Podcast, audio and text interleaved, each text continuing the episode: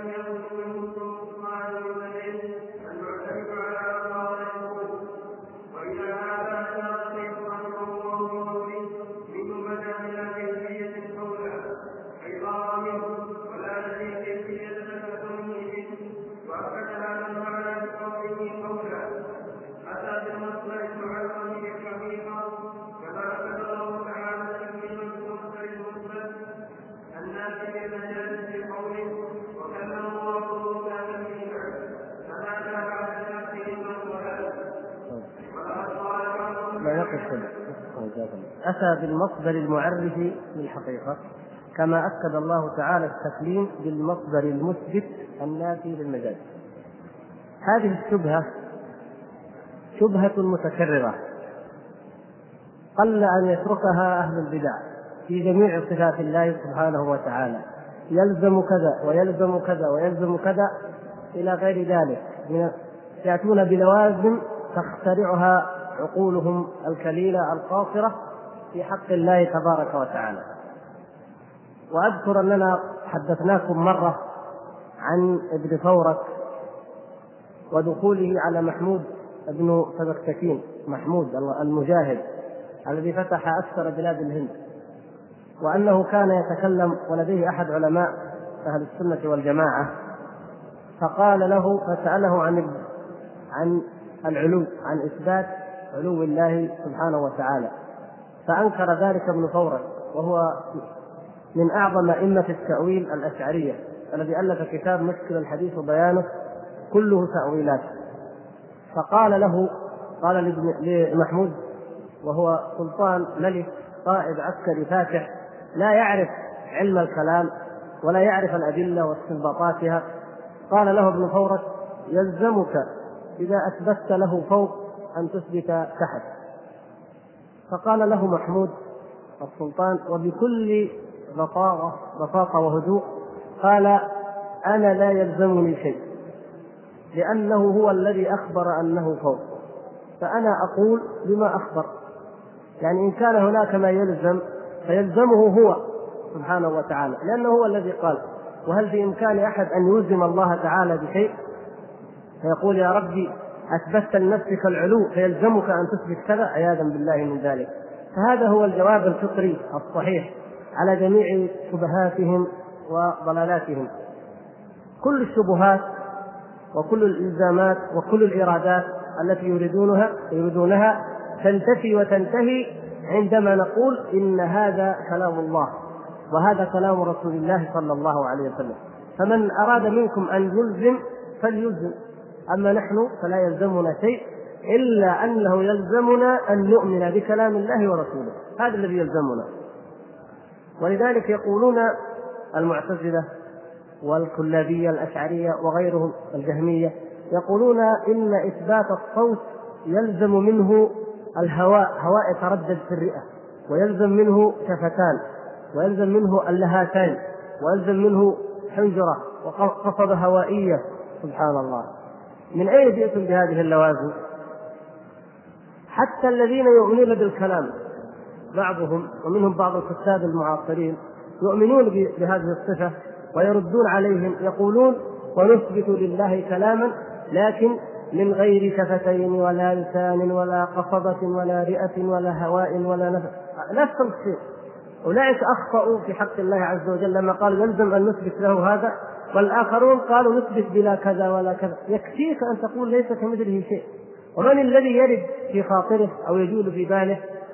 أن الله تبارك وتعالى كالمخلوق في هذه الأمور وهذه اللوازم إلا من كان ضعيف الإيمان أو ضعيف العقل أو جاءه الشيطان بشبهة وعليه أن يطردها لا أن يقررها. فيقول نؤمن ولكن بغير كذا ولا كذا ولا كذا.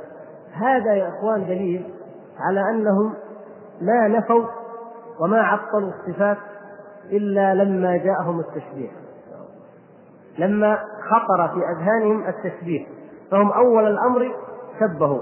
فلما وقع التشبيه في قلوبهم لم يجدوا مدفعا له إلا أن يدفعوه بالنفي وبالتعطيل. فقالوا اذا ما دام الكلام لا يتصور إلا بالشفة واللهاه والقصبه الهوائية والرئة والهواء والنفس وكذا اذا ندفع ذلك كله ونقول إنه لا يتكلم ابدا.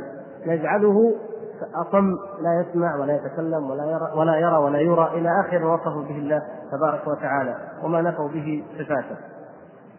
ولذلك يقول يرد عليهم الشيخ الشارح رحمه الله تعالى بقوله يقال لهم إذا قلنا إنه تعالى يتكلم كما يليق بجلاله انتفت شبهتهم.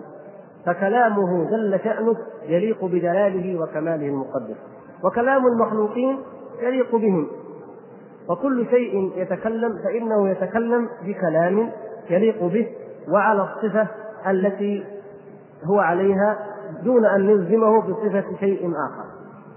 ومن أوضح الأمثلة على ذلك أننا الآن في هذا العصر نسمع كلام الآلات أو هي تسجل الكلام هذا صحيح. أنها تسجل كلاما قد قيل ولكن لا يوجد فيها لا اللسان ولا الشفتان ولا اللهاه ولا القصبة ولا النفس وإنما هي كما ترون آلات مخترعة من حديد أو من بلاستيك أو مواد ومع ذلك تحتفظ بالصوت وتردده فهذه من يعني تخرج الكلام من جنس ما صنعها الله سبحانه وتعالى أو ما صنع الإنسان ما صنعها الإنسان الكيفية التي أراد الله ووفق الله تعالى الإنسان فصنعوها عليها.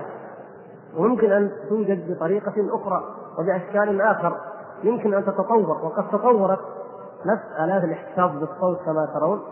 كانت بدائية قديمة والآن تطورت وسيلة الحفظ. وممكن أن تتطور إلى أشكال أخرى ومع ذلك الصوت يسمع منها. اذا هذا في المخلوقات. وضرب ضرب المؤلف رحمه الله تعالى هنا أيضا أمثلة. منها تكليم الأعضاء يوم القيامة.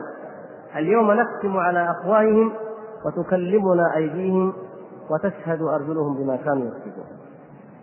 فالأعضاء أعضاء الإنسان يوم القيامة يختم الله سبحانه وتعالى على فمهم على أفواههم وتتكلم الأعضاء وتنطق كما جاء في سورة فصلت يستغرب المجرمون والظالمون أن تشهد عليهم أعضاؤهم. وقالوا لجلودهم لم شهدتم علينا؟ قالوا أنطقنا الله الذي أنطق كل شيء. فهو سبحانه وتعالى أنطق كل شيء وينطق كل شيء كما يشاء ومتى يشاء. فلو شاء لنطق الماء ولو شاء لنطق الهواء ولو شاء لنطقت الأرض ولو شاء لأنطق أي شيء يريده سبحانه وتعالى. ومن ذلك أن هذه الأعضاء تتكلم. مع أن اللسان الذي يقولون أنه يلزم من الكلام هذا اللسان هو يختم عليه يختم على الفم. اذا لم يعد هناك لا لسان ولا لهاه ولا شفه ولا رئة يختم عليه تماما. وتتكلم الأعضاء وتنطق بما كانت تعمل لتشهد على صاحبها. فهذا دليل على أن كل شيء على أن كل شيء يتكلم كما يليق به كما جعله الله سبحانه وتعالى عليه وأن الله تبارك وتعالى يتكلم كلاما يليق بجلاله وكماله سبحانه وتعالى.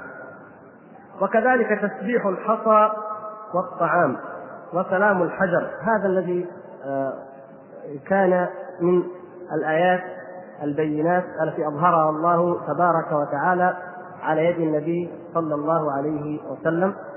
كل ذلك بلا فم يخرج منه الصوت الصاعد من لديه المعتمد على مقاطع الحروف. فهذه التي حصلت كما تعلمون في السيرة كلها من غير الأصوات المعروفة لبني آدم أو اللوازم المعروفة لأصوات بني آدم فليس هناك صوت وليس هناك شفة ولا لها إلى آخر اللوازم التي قدروها. هذه الشبهة التي تلازمنا دائما سوف تأتي إن شاء الله عما قليل بعد بعض عدة أبحاث. نأخذ مبحث رؤية الله تبارك وتعالى.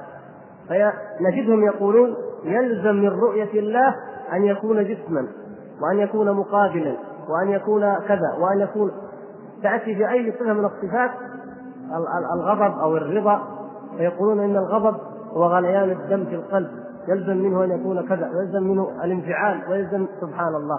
كل هذه يعني شبهة واحدة يكررونها جميعا وهي أنهم يلزمون ربهم تبارك وتعالى عن ذلك بما يلزمون به المخلوق.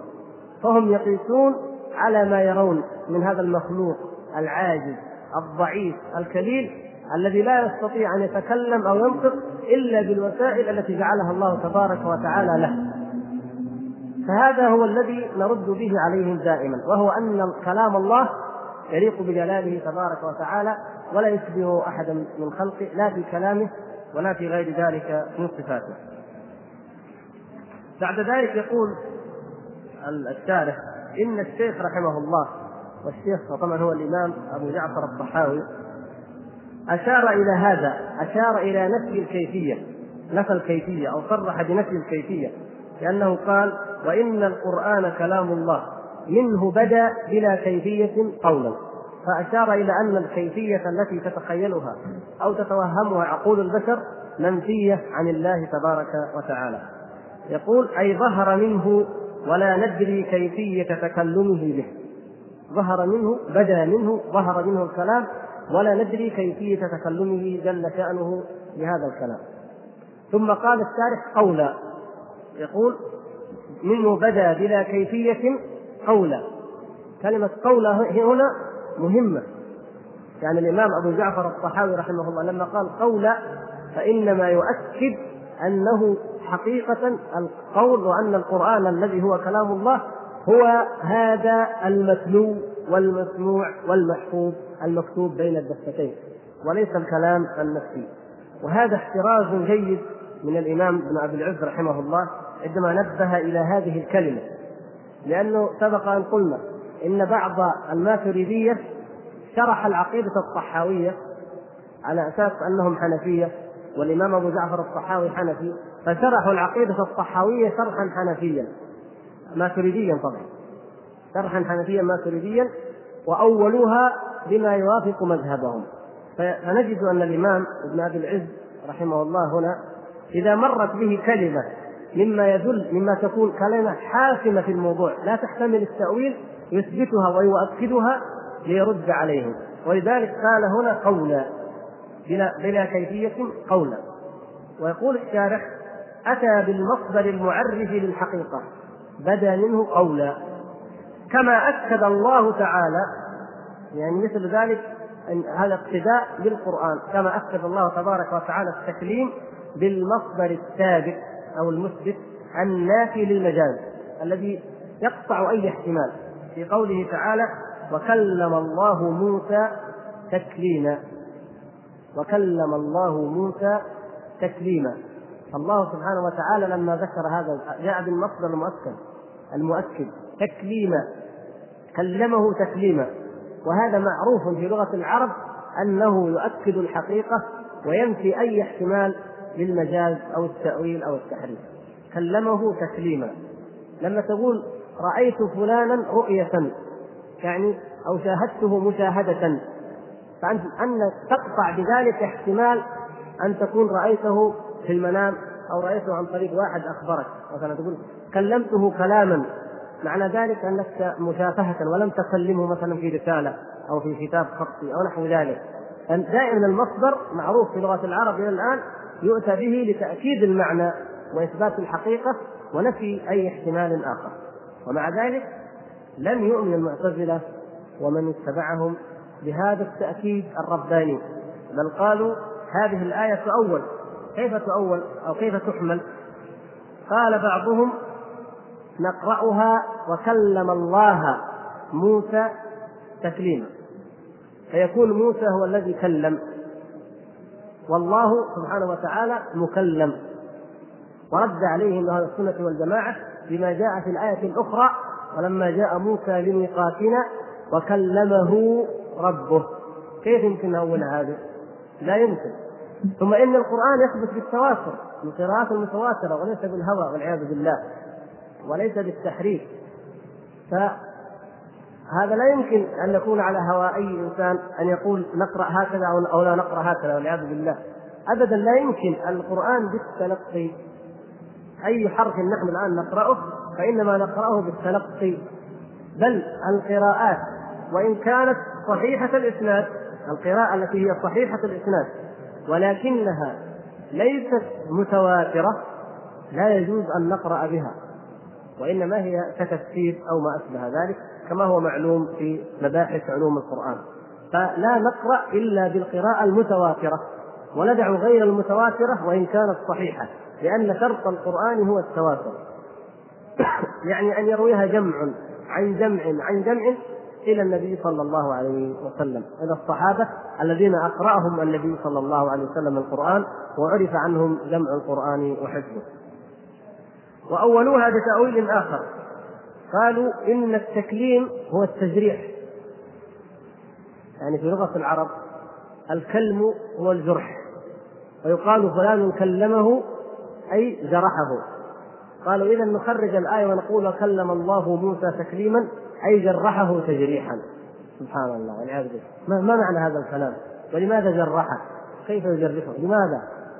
انما هي شهوة المروق من الحق وشهوة التأويل الفاسد وعدم انقياد قلوبهم وأسماعهم وعقولهم لما أنزل الله تبارك وتعالى ولما قاله رسول الله صلى الله عليه وسلم وإلا لو انقادوا لله ورسوله وصدقوا ما قاله الله ورسوله لما خطر لهم أن يؤولوا ولا أن يحدثوا بكلام الله تبارك وتعالى. فلذلك لما يذكر المؤلف رحمه الله القصة التي وقعت لبعض المعتزلة ولعله قيل إنه عمرو بن عبيد وهو كان للمعتزلة في في ذلك الزمن أيام أبي عمرو بن العلاء كان أئمة الضلالة من المعتزلة عمرو بن عبيد وواصل بن عطاء الغزال. فقال لأبي عمرو بن العلاء أحد القراء السبعة المعروفين المشهورين قال أريد أن تقرأ وكلم الله موسى. بنص بسم الله. ليكون موسى هو المتكلم لا الله على الوجه الذي خرجوه كما قلنا. فقال أبو عمرو هب أني قرأت هذه الآية كذا. افرض أنني قرأت ولم يطاوعه أصلا. يعني أبو عمرو لن يطاوعه. لكن قال افرض أنني قرأتها كما تقول. فكيف تصنع بقوله تعالى ولما جاء موسى لميقاتنا وكلمه ربه فبهت المعتزلي فهذه القصة كما قد تقررت من الردود على أهل السنة على المعتزلة من أهل السنة كما ذكرنا أنهم يحاولون أن يؤولوا هذه الآيات بأية نوع من أنواع التأويل وأن أهل السنة والجماعة ردوا كل وجه من هذه الوجوه ومنها هذا الوجه الذي أرادوا أن يقرؤوها به أو قالوا لم لا نقرأها به ردوه بما أثبته هنا وهي الآية الأخرى وكلمه ربه وهي آية صريحة لا تحتمل أي تأويل. وحتى لو قلنا إنه إن الله يعني حتى من الناحية العقلية وكلم الله موسى تكليما كيف ما الميزة إذا كان المراد أن موسى كلم الله؟ إذا كان خاطب الله أو دعا الله؟ فكل خلق الله عز وجل يدعون الله عز وجل ونحن جميعا كلنا ندعو الله عز وجل. فما ما الميزة؟ ما الذي يميز اذا موسى؟ عن غيره؟ لو تأملنا أي وجه من الوجوه لا نجد لهؤلاء القوم حجة ولا سندا إلا الهوى وإلا اتباع الظن. ولهذا كان هذا الفاجر عمرو بن عبيد إمام المعتزلة كان يتمنى يقول وددت أنني أحق سورة تبت يد أبي لهب من المصحف والعياذ بالله. لماذا يقول؟ لم يستطع عقله القاصر الذي أول أفضى به إلى إنكار القدر لأن المعتزلة كانوا قدرية وكانوا يريدون إنكار القدر. فعقله القاصر لم يستطع أن يستوعب كيف يقول الله عز وجل تبت يد أبي لهب وتب ثم يخبر الله سبحانه وتعالى بعد ذلك كل السورة ما أغنى عنه ماله وما كسب سيصلى نارا ذات لهب وامرأته حمالة الحطب في جيدها حبل من مسد. يقول هذه الآية هذه السورة نزلت على أبي لهب. وأبو لهب ما يزال حي ومخاطب بالدعوة وفيها إخبار بأنه من أهل النار والعياذ بالله. فهو من أهل النار إذا فجاءت الشبهة. طيب هل إذا أبو لهب مجبور؟ لماذا لم يقول اذا أنا آمنت؟ يقول عمرو بن عبيد المعتزله اذا كان في إمكان أبو لهب أن يقول اذا أنا أؤمن ومن آمن فإنه يدخل الجنة ولا يدخل النار فيكون قد كذب القرآن والعياذ بالله. فلم يستطع عمرو بن عبيد أن يحل هذا الإشكال. إن قال إنه مجبور ما في إلا أن يقول إنه مجبور أن يدخل النار. ما, ما يستطيع يقول هذه جبرية. وإن قال إنه يعني يعني لا يستطيع أن يؤمن إذا المجبور لا يستطيع أن يؤمن. وإن قال إنه يؤمن فلو آمن لناقض القرآن. فهذا الجاهل المسكين لما أن اخذ يفكر في القدر ويفكر في هذه الآيات وأمثالها بعقله القاصر ولم يسأل أهل الذكر لم يعرف عنهم. لا عمرو بن عبيد ولا واصل ولا أنهم سألوا أهل الذكر واستفادوا منهم. إنما كانوا في حلقة الحسن البصري فلما خرجوا عن قول الأمة في قولهم بالمنزلة بين المنزلتين طردهم الحسن من حلقته فاعتزلوا وسموا المعتزلة. فلو أنهم اتبعوا كلام أهل العلم وسألوهم أو أنهم سلموا أمرهم لله عز وجل وآمنوا بكتاب الله ما فهموا منه وما لم يفهموا لما وقعوا في هذا التناقض. فإنه لو أن المؤمن لا يؤمن بأي شيء من كتاب الله ولا من سنة رسول الله صلى الله عليه وسلم إلا إذا استوعبه عقله وفهمه وعرف أنه غير متناقض لما آمن أحد. وإلا أكثر المسلمين لا يستطيعون أن يدركوا معاني الآيات ولا معاني الأحاديث ولا يستطيعوا أن يردوا شبه الملحدين لو لو أوردوا عليهم شبهة. ومع ذلك هم ولله الحمد على الإيمان الصحيح. إذا الثقة الثقة في مصدر الكلام هي وحدها تكفي. وهذا أمر يعرفه البشر حتى في حدود أمورهم الدنيوية. الطبيب الثقة المتخصص المسلم يكتب لك أربعة أنواع أو خمسة أنواع من الدواء فتأخذها. ولا تسأل كيف هذا من إيش هذا مركب وهذا خطأ وهذا صواب ولو قلت ذلك لا سخر منك الناس وضحكوا. يعني إذا كنت عاميا أميا لا تفهم شيئا وتعترض على هذا الطبيب. فكيف من يعترض على الله تبارك وتعالى وعلى كتاب الله عز وجل بعقله القاصر الكليل ويقول كيف تنزل هذه الآيات وكيف يكون كذا وكيف. فإذا إذا لم أفهمها فيقول وددت أنني حكستها والعياذ بالله. فهم لا يبالون في سبيل إقرار بدعتهم وشبهتهم أن يؤولوا أو يحرفوا أو حتى يفكروا أن يحكوا الآية من المصحف. نسأل الله السلامة والعافية. وهذا من عدم اليقين في قلوبهم ومن عدم الإيمان. والحقيقة أن الإنسان إذا تأمل سير هؤلاء وهذا أمر معروف ومشاهد إذا قرأ حياتهم وقرأ كيف كانوا يعملون وكيف كانوا يعيشون لوجد أنهم أصحاب ضلالات وأن الغالب ولا سيما الذين أسسوا هذه المذاهب أنهم متعمدون افساد دين المسلمين. وإلا فلو أن الأمر شبهة أو خطأ أو لبس لسألوا عنه أهل العلم ولديهم عقول تفكر يفكرون في دقائق أمور دقيقة من علم الكلام تفكيرا طويلا. فأين هذه العقول من هذه الأمور الواضحة؟ لو أنها فعلا تريد الحق وتبحث عن الصواب. لكن ما دام أنها مقرة بالفلسفات اليونانية القديمة وبكلام الصابئين والملحدين وتريد أن تطعن في دين الإسلام وأن توجه النقد إليه أقل ما يقال أنها تريد أن تهدم بعضه وتثبت بعضه فقط تقر ما وافق هواها وفلسفاتها وعقولها وتهدم ما تراه مخالفا لها فمن هنا جاءتهم شهوة الهدم ومن هنا وقعوا في التخبط ووقعوا في الضلال. بعد ذلك يشرع المؤلف رحمه الله في بيان الأدلة من الكتاب والسنة على تكليم الله تبارك وتعالى وأنه بكلام وصوت مسموع يسمعه الخلق. وكم من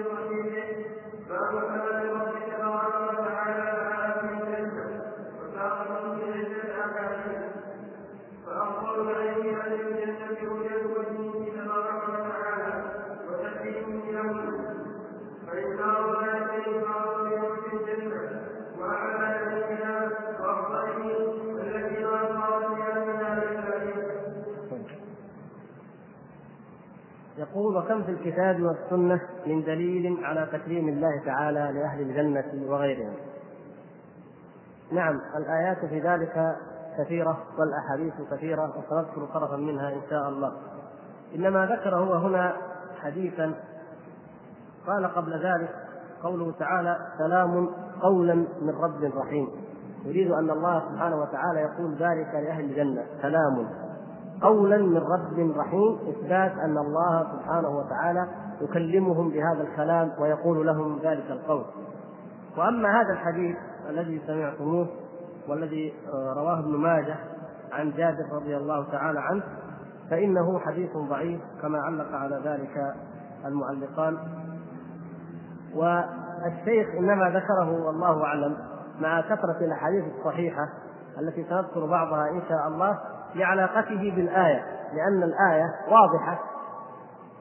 يقول إن الله سبحانه وتعالى يقول لهم السلام عليكم يا أهل الجنة وذلك قول الله تعالى سلام قولا من رب رحيم. لأن الآية تدل على ذلك فذكر هذا الحديث تفسيرا لها ولأنه توسم فيه إثبات أكثر من صفة لأنه قال فيه إثبات صفة الكلام وإثبات الرؤية وإثبات العلو.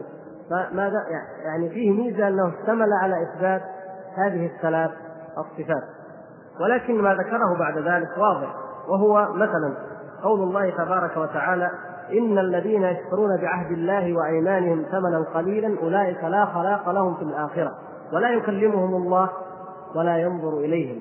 فنفى الله تبارك وتعالى التكليم عن أولئك القوم. الذين يشترون بآيات بعهد الله وأيمانهم ثمنا قليلا إن الله سبحانه وتعالى لا يكلمهم. عقوبة لهم لا يكلمهم وبين أنه معناه أنه لا يكلمهم كلام تكريم وإلا فانه يقول لهم اخسأوا فيها ولا تكلمون ويكلمهم ولكن لا يكلمهم كلام تكريم. فلو قلنا إنه لا يتكلم بالمرة لاستوى في ذلك الذين يشترون بعهد الله وإيمانهم ثمنا قليلا واستوى الأنبياء والصديقون والأبرار. نبدا بسؤال لأحد الإخوان الأول. يقول هو هو وبنت خاله رضعوا من امرأة واحدة ولا يوجد بينهما صلة قرابة. يكفي قرابة أنك رضعت أنت وإياها من امرأة واحدة. فهل يجوز أن نتزوج بنت بنت خالي؟ والرضع هو بنت خاله من امرأة واحدة. هل يجوز أن نتزوج بنت بنت خاله؟ علما بأنها يعني بنت خالي أكبر منه بعشر سنوات. هذه بنت أخته. هذه بنت أخته. فلا يجوز له أن يتزوجها.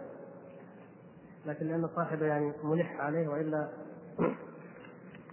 نبدأ ب أو يهمنا ما يتعلق بموضوعنا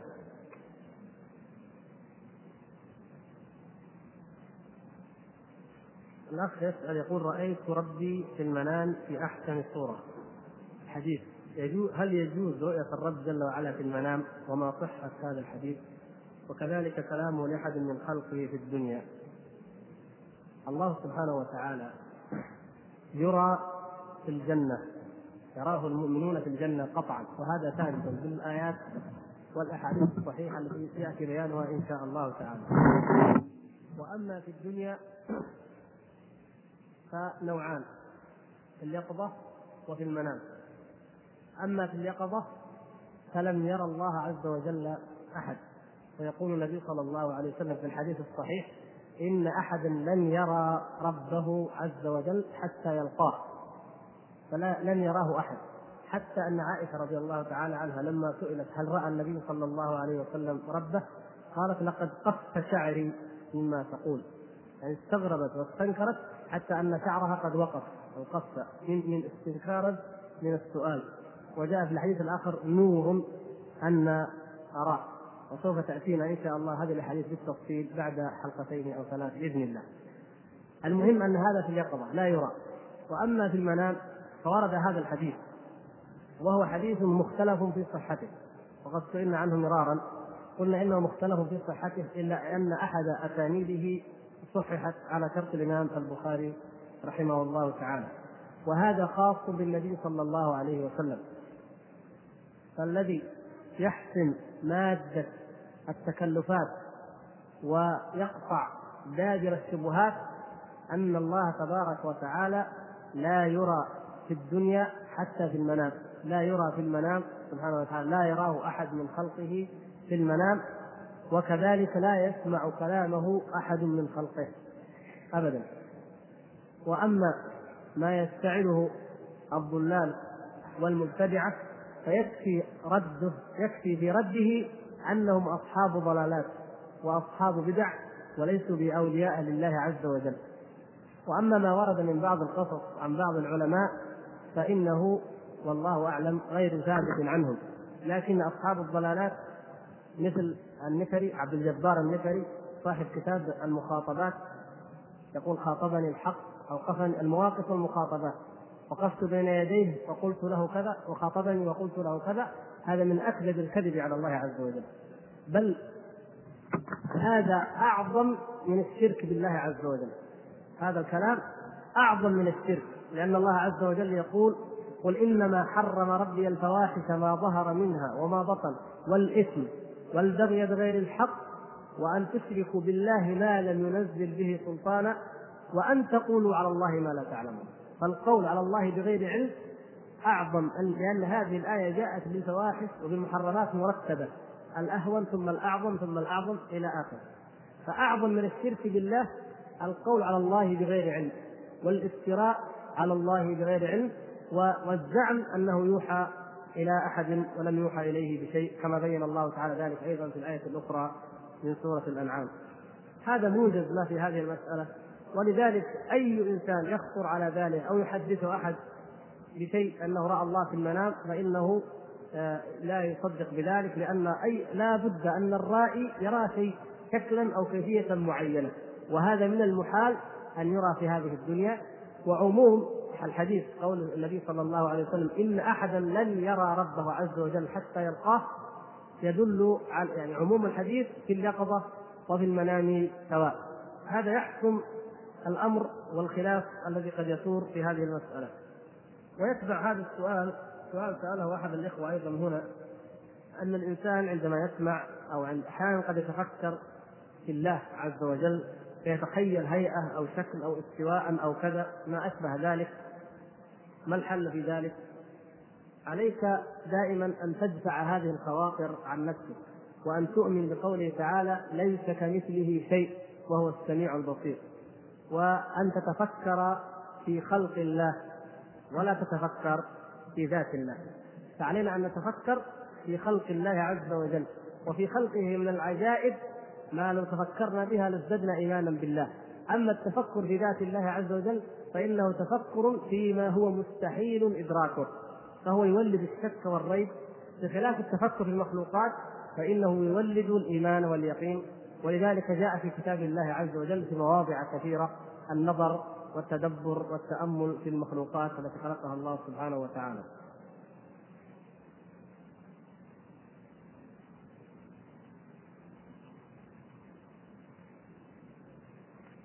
هذا فضل سورة ياسين كما ترون وهذا أيضا سورة ياسين. هذه الدفاتر يا إخوان وما ما أشبهها من هذه الكتب أحجام وأشكال وأنواع. يجب علينا جميعا أن نتعاون على محاربتها. كل هذه البدعيات أو التي الأحاديث الضعيفة أو الموضوعات يجب أن نكون جميعا يدا واحدة لمحاربتها وأن ننصح من يوزعها إن كان على حسن بحسن نية أن نبين له الحق وإن كان عن خبث وسوء طوية أن نبلغ الجهات المسؤولة الهيئة أو مكتب الدعوة. لأن هذه ضلالات وشركيات مثلا هذه هذه ياسين وكيفية استعمال العزية. بعد أن انتهت السورة طبعا في الأول السورة أتون بالقرآن حتى إذا إذا اعترضت على الشرك يقول لك يا أخي هذا قرآن. هذا ياسين ليش تعترض؟ فهم يريدون بذلك أن يمهدوا. فيجعلوا القرآن أولا ثم يأتون بالشرك بعد ذلك. ما هي هذه الشركيات؟ هذا الدعاء المبارك كما يقولون وهذا الدعاء المبارك يقرأ بعد ياسين. انظر ماذا يقول. يا عصبة الخير بخير الملل ونخبة النور البهي الأجل. يا من بهم هد بناء الخطل. يا آل ياسين بحق الأول وأحرف النور ولام الأزل. إلى أن يقول بمظهر القدرة في هيكلي ونقطة الوصلة من منزلي بطور سيناء. إلى أن يقول كفى هواني فانظروا حالتي. قد زاد ذلي وانطوت هامتي عودتموني الخير صلوا عادتي. خذوا بثأري وانجدوا يا سادتي والعياذ بالله. شوف كيف. دعاء غير الله عز وجل. من هم آل ياسين؟ هؤلاء المشعوذون من السحرة من الصوفية وأمثالهم يقولون إن لكل آه، سورة من القرآن أو كل آية خدام. لكل اسم من أسماء الله خدام. ولكل سورة خدام. فالإنسان يقرأ سورة ياسين ويستغيث بخدام السورة والعياذ بالله. وهؤلاء من ملوك الجن أو من الشياطين أو ما أشبههم. فإذا قرأت سورة ياسين تستعيذ بهؤلاء الناس ويقول كما يقول هنا النجدة النجدة كيف العمل؟ فهو الذي يرجى لكشف الوجل يقول منكم يرجو بلوغ الأمل والعياذ بالله. فيقرأ الإنسان السورة ثم يستغيث بخدام السورة أو بخدام الكلمة. في أي شيء في أي كتاب أم بأية سنة جاءنا خبر من الله عز وجل أن لأسمائه خدام أو أن لصوره خدام أو أننا ندعو الخدام هل جاء هذا في كتاب الله؟ هل جاء في سنة رسول الله صلى الله عليه وسلم؟ هل يمكن هذا؟ أبدا الله سبحانه وتعالى يقول وقال ربكم ادعوني أستجب لكم ادعوني أستجب لكم وإذا سألك عبادي عني فإني قريب أجيب دعوة الداعي إذا دعان والنبي صلى الله عليه وسلم يقول الدعاء هو العبادة. ولذلك كان الداعي غير الله تعالى شرك. ويوم القيامة يكفرون بشرككم أي بدعائكم أو بما كنتم تدعون من دون الله. الآيات كثيرة والأحاديث كثيرة في هذا الباب. فالله سبحانه وتعالى وحده الذي يدعى ولا أحد يدعى سواه. فمن استغاث بسواه أو دعاه ملكا أو نبيا أو صالحا أو وليا فإنه كافر. لو أن أحدا يستغيث بالرسول صلى الله عليه وسلم ويدعوه ويسأله أن يكشف الكربه وأن يفرج همه وغمه لقلنا إن هذا مشرك. وهو رسول الله صلى الله عليه وسلم. وهو من تعلمون ومن أخبرنا الله بقدره ومنزلته. فكيف بأناس لا وجود لهم؟ من هم الخدام؟ من هم آل ياسين؟ لا وجود لهم ابدا وإنما اختلقتها عقول هؤلاء الشياطين شياطين الإنس ليدلسوا بها على الناس وليأكلوا أموال الناس بالباطل. فاحذروا أيها الإخوان من أمثال هؤلاء الناس. وحتى مثل هذا فضائل فضائل سورة ياسين وأمثالها التي هي ضعيفة أو موضوعة أن من قرأها كان له كألف من سمعها وقرأ كانت له ألف ألف دينار تصدق بها لسبيل الله. ومن كتبها وشربها أدخلت جوفه ألف دواء وألف نور وألف يقين وألف رحمة وألف رأفة وألف هدى. سبحان الله. كلام كذب يعني. الذي يراه يعرف أن هذا كذب. وإذا قلت لأحد كيف هذا الكذب؟ قال يا أخي هذه سورة ياسين هذا القرآن. حتى القرآن تعترضوا عليه. كل شيء عندكم تمنعوه. لا ليس الأمر كذلك. القرآن شفاء والقرآن نور والقرآن هدى. نقرأه هو. هذا القرآن بين أيدينا نقرأه. لكن من الذي أخبرنا أنه هذه الآلاف المؤلفة؟ من الذي روى؟ هذا ليس صحيحا. ولم يثبت عن النبي صلى الله عليه وسلم. ولا عن أحد ممن يعتد بقوله. فمثل هذه الأمور لا نأخذ فيها إلا بما ثبت وإلا بما صح. ولا ينبغي لنا ولا يجوز أن نقر توزيع أمثال هذه الضلالات. وأراكم في كل مرة ما شاء الله تحملون إلينا من أمثالها. وهذا دليل على انتشارها. وهذا دليل على إهمالنا. وعلى تهاوننا وإلا لو أن كل إنسان منا في مسجده أو في عمله أو في حيه أنكر على صاحب هؤلاء. وقال إن لم تكف أبلغت عنك الدعوة أو أبلغت عنك الهيئة فإنه سيخاف ويكف عن هذه الضلالات. حتى هذا هذا يقول الأخ لصاحبه إنه إيه؟ إن هذا الكتاب تبيع إحدى العجائب عند باب الدائرة التي يعمل فيها. ولكثرة رؤيتي لها قررت شراءه لكي أحضره للتنبيه عنه. يعني هذا إذا كان العجائز بدأوا يبيعوها عند أبواب الدوائر ماذا ننتظر بعد ذلك يا إخوان؟ يجب علينا أن ننكر على هؤلاء الناس. هذا ديننا ما هو بالرخ إلى حد أن العجائز يبيعوها على الباب يهدموها على بأبسط سبيل. يجب أن يكون لدينا غيرة لله ولدين الله سبحانه وتعالى وأن ننكر هذه المنكرات وهذه الأباطيل. نسأل الله يوفقنا وإياكم لذلك. والحمد لله أن كل من يرى هذه يفهم أنها باطل. إن أعطيتها مركز هيئة أو أعطيتها إمام مسجد أو أعطيتها إنسان في الدعوة فإنه سينكر ذلك ويبلغه. ولو أن هذه المرأة وأمثالها قبض عليها وحقق معها من أين طبع؟ من أين أين طبع؟ وكيف أخذت فيه؟ لربما يتبين أن وراءها جهات خبيثة تريد نشر هذا الباطل. مثل ما ينشرون آه، وصية أحمد هذا المكذوب خادم الحجرة الكذاب وأمثالها من الوصايا الكاذبة.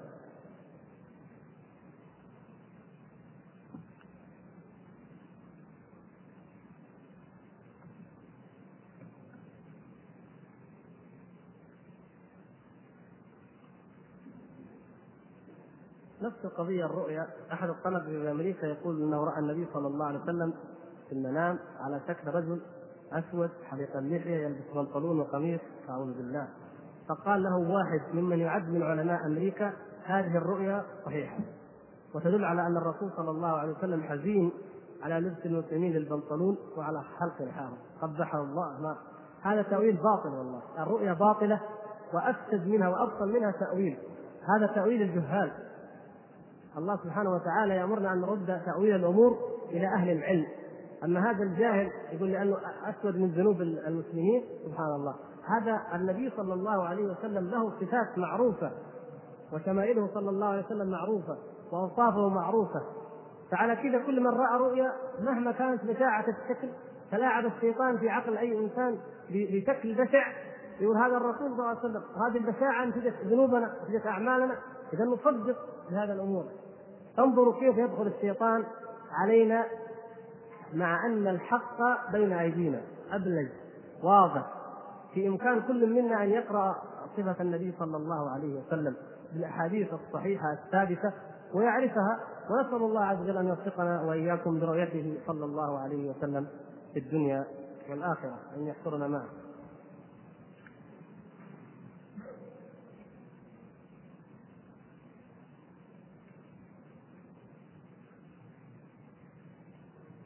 نختصر لأن الاسئله كثرت يقول الأخ سبق أن تكلمت عن التاريخ الميلادي وأنه موضوع. لو سمحت أن تعيد ذلك فلا يجوز العمل به والاعتراف به. لا يجوز للمسلمين أن يستخدموا التاريخ الميلادي لأنه شعار. شعار من شعارات الكفر. وإن ذكر عند الحاجة أو الاضطرار أو للمقارنة أحيانا بقدر الحاجة فلعل ذلك معفو. أما أن يكون أمة محمد صلى الله عليه وسلم التي جعل الله عز وجل أشهرها ثابتة بنص القرآن التي الله سبحانه وتعالى ذكر ذلك في سورة التوبة وكان من آخر ما أبطل الله عز وجل من عادات الجاهليين هو النسيء. فقال عز وجل إن عدة الشهور عند الله اثنا عشر شهرا في كتاب الله يوم خلق السماوات والأرض منها أربعة حرم هذه الأشهر قطعا ليست يناير ولا فبراير وإنما هي الأشهر المعروفة التي هي يعرفها المسلمون ووقت أصحاب النبي صلى الله عليه وسلم إياها وقتوها بالهجرة النبوية. فنحن نوقت بهجرة النبي صلى الله عليه وسلم على ذلك أجمع الصحابة رضوان الله تعالى عليهم وتناقلنا ذلك وأصبح من شعار المسلمين. ولذلك يا إخوان كل أمة لها تقويم. الأقباط في مصر لهم تقويم لأنهم أمة قبطية. الأقباط من النصارى لكن يخالفون النصارى الآخرين لهم تقويم قبطي خاص تقويم الرومان خاص تقويم الكرد لهم المجوس لهم تقويم خاص أيضا. كل أمة لها تقويم. لماذا؟ لأن هذا من من الشعائر من العلامات من المميزات. فنحن أيضا لنا أم لنا ما يخصنا القول بأن هذا موضوع أنا قلت إنه هذا البابا أريد للسابع كان أحد البابوات. و اضطر أن يعدلوا آه، التاريخ وكانوا قد عدلوه أكثر من مرة حتى أنه في مرة من المرات حذفوا أكثر من 30 سنة وكذا أشهر وانتقل التاريخ يعني قفز حوالي 30 سنة حتى يتلائم مع دورة الفلك. وهذا فعلا هم الذين وضعوه وهم الذين يحذفون متى أرادوا أو حذفوا كما شاءوا. وقلت إنه حتى ميلاد المسيح عليه السلام ليس ثابتا عندهم. يعني الآن لما يتحدثون في كتبهم في الأنا في شروح الأناجيل وغيرها يقولون متى ولد المسيح يقولون هم كذا قيل ولد في عام في السنة الأولى للميلاد وقيل في السنة الثانية قبل الميلاد وقيل في السنة الثالثة بعد الميلاد شوف لاحظ مع التوقيت لماذا؟ بالميلاد فكيف ولد المسيح في السنة الثانية قبل الميلاد؟ لأنه هذا لا لأنه عارفين أن هذا مجرد اصطلاح وضعوه واصطلحوا عليه. أما ولادة المسيح الحقيقية فهي غير معروفة كما إن عمرها الحقيقي غير معروف لديهم ولا لدى المؤرخين. فالتاريخ لكل أمة هو شعار شعار وعلامة وسمة. ولا شك أن الموافقة في الشعار وفي الأمور الظاهرة تورث الموافقة في الأمور الباطنة. وقد أيضا نبهنا واوجد ذلك أن معرفة الشهور القمرية الهجرية ضرورية جدا. رمضان نعرف لابد أن نعرفه من أجل الصوم. الأشهر الحرم الأربعة لابد أن نعرفها. أيضا نعرف متى دخلت ومتى خرجت. لو أن أحدا قتل نفسا وكان فيترتب على معرفة اليوم الذي قتله فيه. هل هذا اليوم آخر يوم من رجب ولا أول يوم من شعبان. يترتب على هذا حكم شرعي يختلف تماما. إن وقع القتل بأشهر الحرم يغلظ غير إذا كان في غير أشهر الحرم. لكن إذا كانت التقاويم إذا غيرناها بالميلادي وأصبح من يعرف؟ من يدري متى دخل الشهر ومتى خرج؟ الناس الآن يا إخوان كما تعلمون حالنا جميعا حال المسلمين عبد الدنيا عبد الدرهم والدينار. فلو أننا غيرنا حياتنا وأصبحت دراستنا وأصبحت رواتبنا وأصبحت دنيانا على الأشهر الميلادية. لنسينا ديننا وما أكثر ما ننساه ولم نتذكره وننسى الاشهر لكن الحمد لله كما تلاحظون في المملكة خاصة أنه لما كانت الأمور مرتبطة بالأشهر القمرية فإن الناس يعرفون الأشهر يعرفونها ويعلمونها لكن لو قلدنا غيرنا عياذا بالله لكان حالنا مثل حالهم. ولذلك حتى رمضان قالوا نجعله على الحساب فقط مجرد الحساب الفلكي. يعادلون يشوفوا الميلادي ويعادلوا الهجري به ويحسبون. وهكذا يعملون دائما. فالشعارات كل شعار لأي أمة من الأمم فإنه لا يجوز للمسلمين أن يقلدوهم فيه ابدا. ونحن قد فضلنا الله عز وجل وقد ميزنا على غيرنا بهذه الميزة العظيمة. حتى في الأشهر هذا فضل من الله عز وجل علينا. نصوم ونحج مرة في الربيع ومرة في الخريف ومرة في الصيف ومرة في الشتاء. ولو أنه تقويما ثابتا لكنا نصوم مثل ما في سنة واحدة في وقت واحد مثل ما صام النبي صلى الله عليه وسلم أو مثل ما حج النبي صلى الله عليه وسلم. وأيضا بالنسبة لدوران الحول كما تلاحظون الزكاة. الله عز وجل جعل الزكاة على حولان الحول وأحيانا مع تقلب الحول يعني تغير الفصول والزراعة تكون بحسب الفصول حسب الشمس. ولذلك الشهور تتغير فيكون هذا أيضا فيه صلاح للفقراء وللمساكين ويكون الحول أكثر بالنسبة لهم. حكم عظيمة جدا لو تأملناها. ولا شك أن الله عز وجل لا يأمرنا بشيء إلا فيه حكمة وأن الإسلام هو غاية الحكمة وأن ما عداه هو الباطل هذا الذي يجب أن نؤمن به.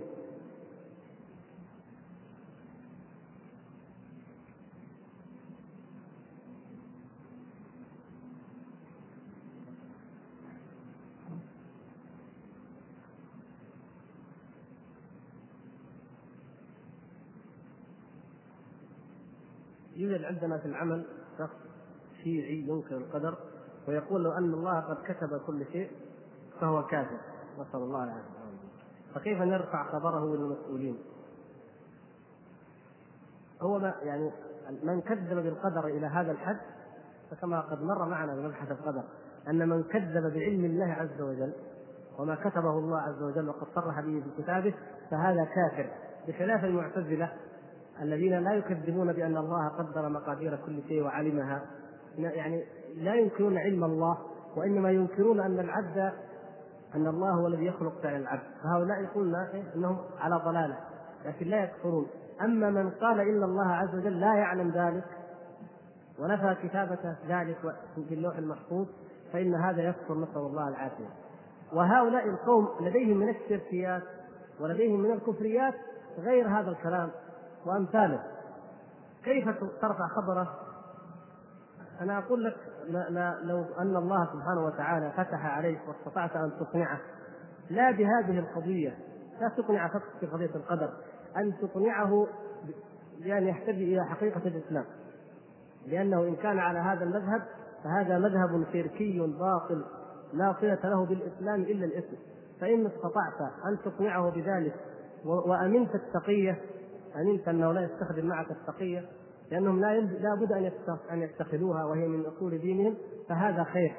وإن يعني رأيت إن أنه أنه يجادل وأنه يشيع هذا المنكر فيمكن أن تكتب بهذا الشيء إلى الأخوان في مكتب الدعوة. بعد أن تكون قد حاولت أن تقنعه وتقيم عليه الحجة تكتب آه، ما ورد بينك وبينه إلى مكتب الدعوة. وإن شاء الله هم إما يستدعونه ويقنعونه وإما يتخذون الإجراء الذي يتخذ عادة في حق من ينكر أمثال هذه الأمور المعلومة من الدين بالضرورة.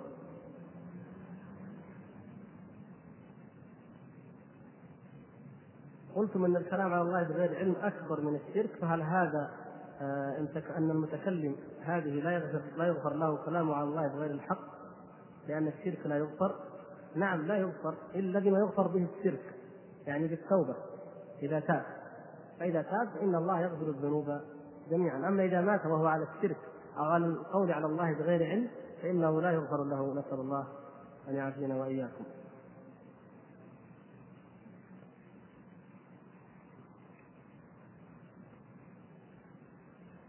نبدا بالاولى أصلا.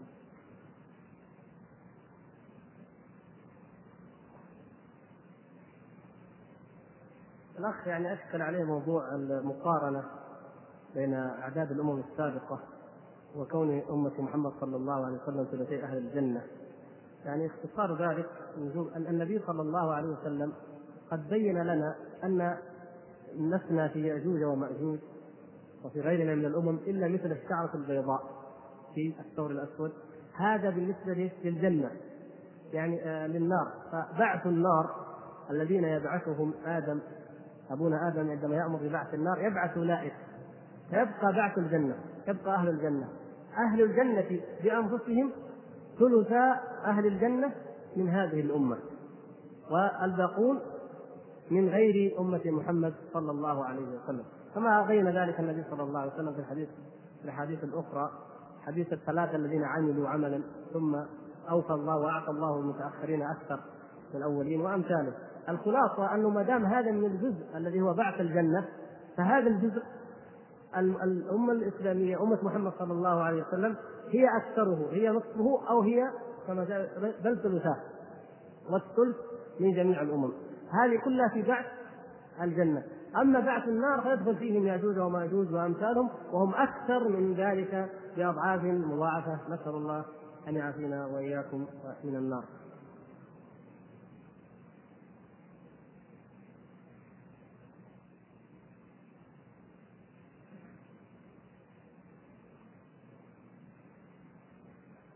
يقول الأخ هذا السؤال قد سألته من قبل ولكن لم يكن كافيا.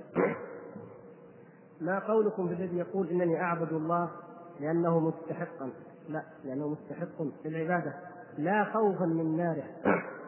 وفي الذي يقول إنني أعبد الله خوفا من ناره. هذه قضية كما تفضل الأخ قد سبق أن شرحت. وكثير من الناس من الصوفية وأمثالهم يدلسون على العباد بقولهم إن الله سبحانه وتعالى لا يعبد طمعا في جنته ورحمته ولا خوفا من ناره وعقوبته وإنما يعبد لأنه مستحق للعبادة.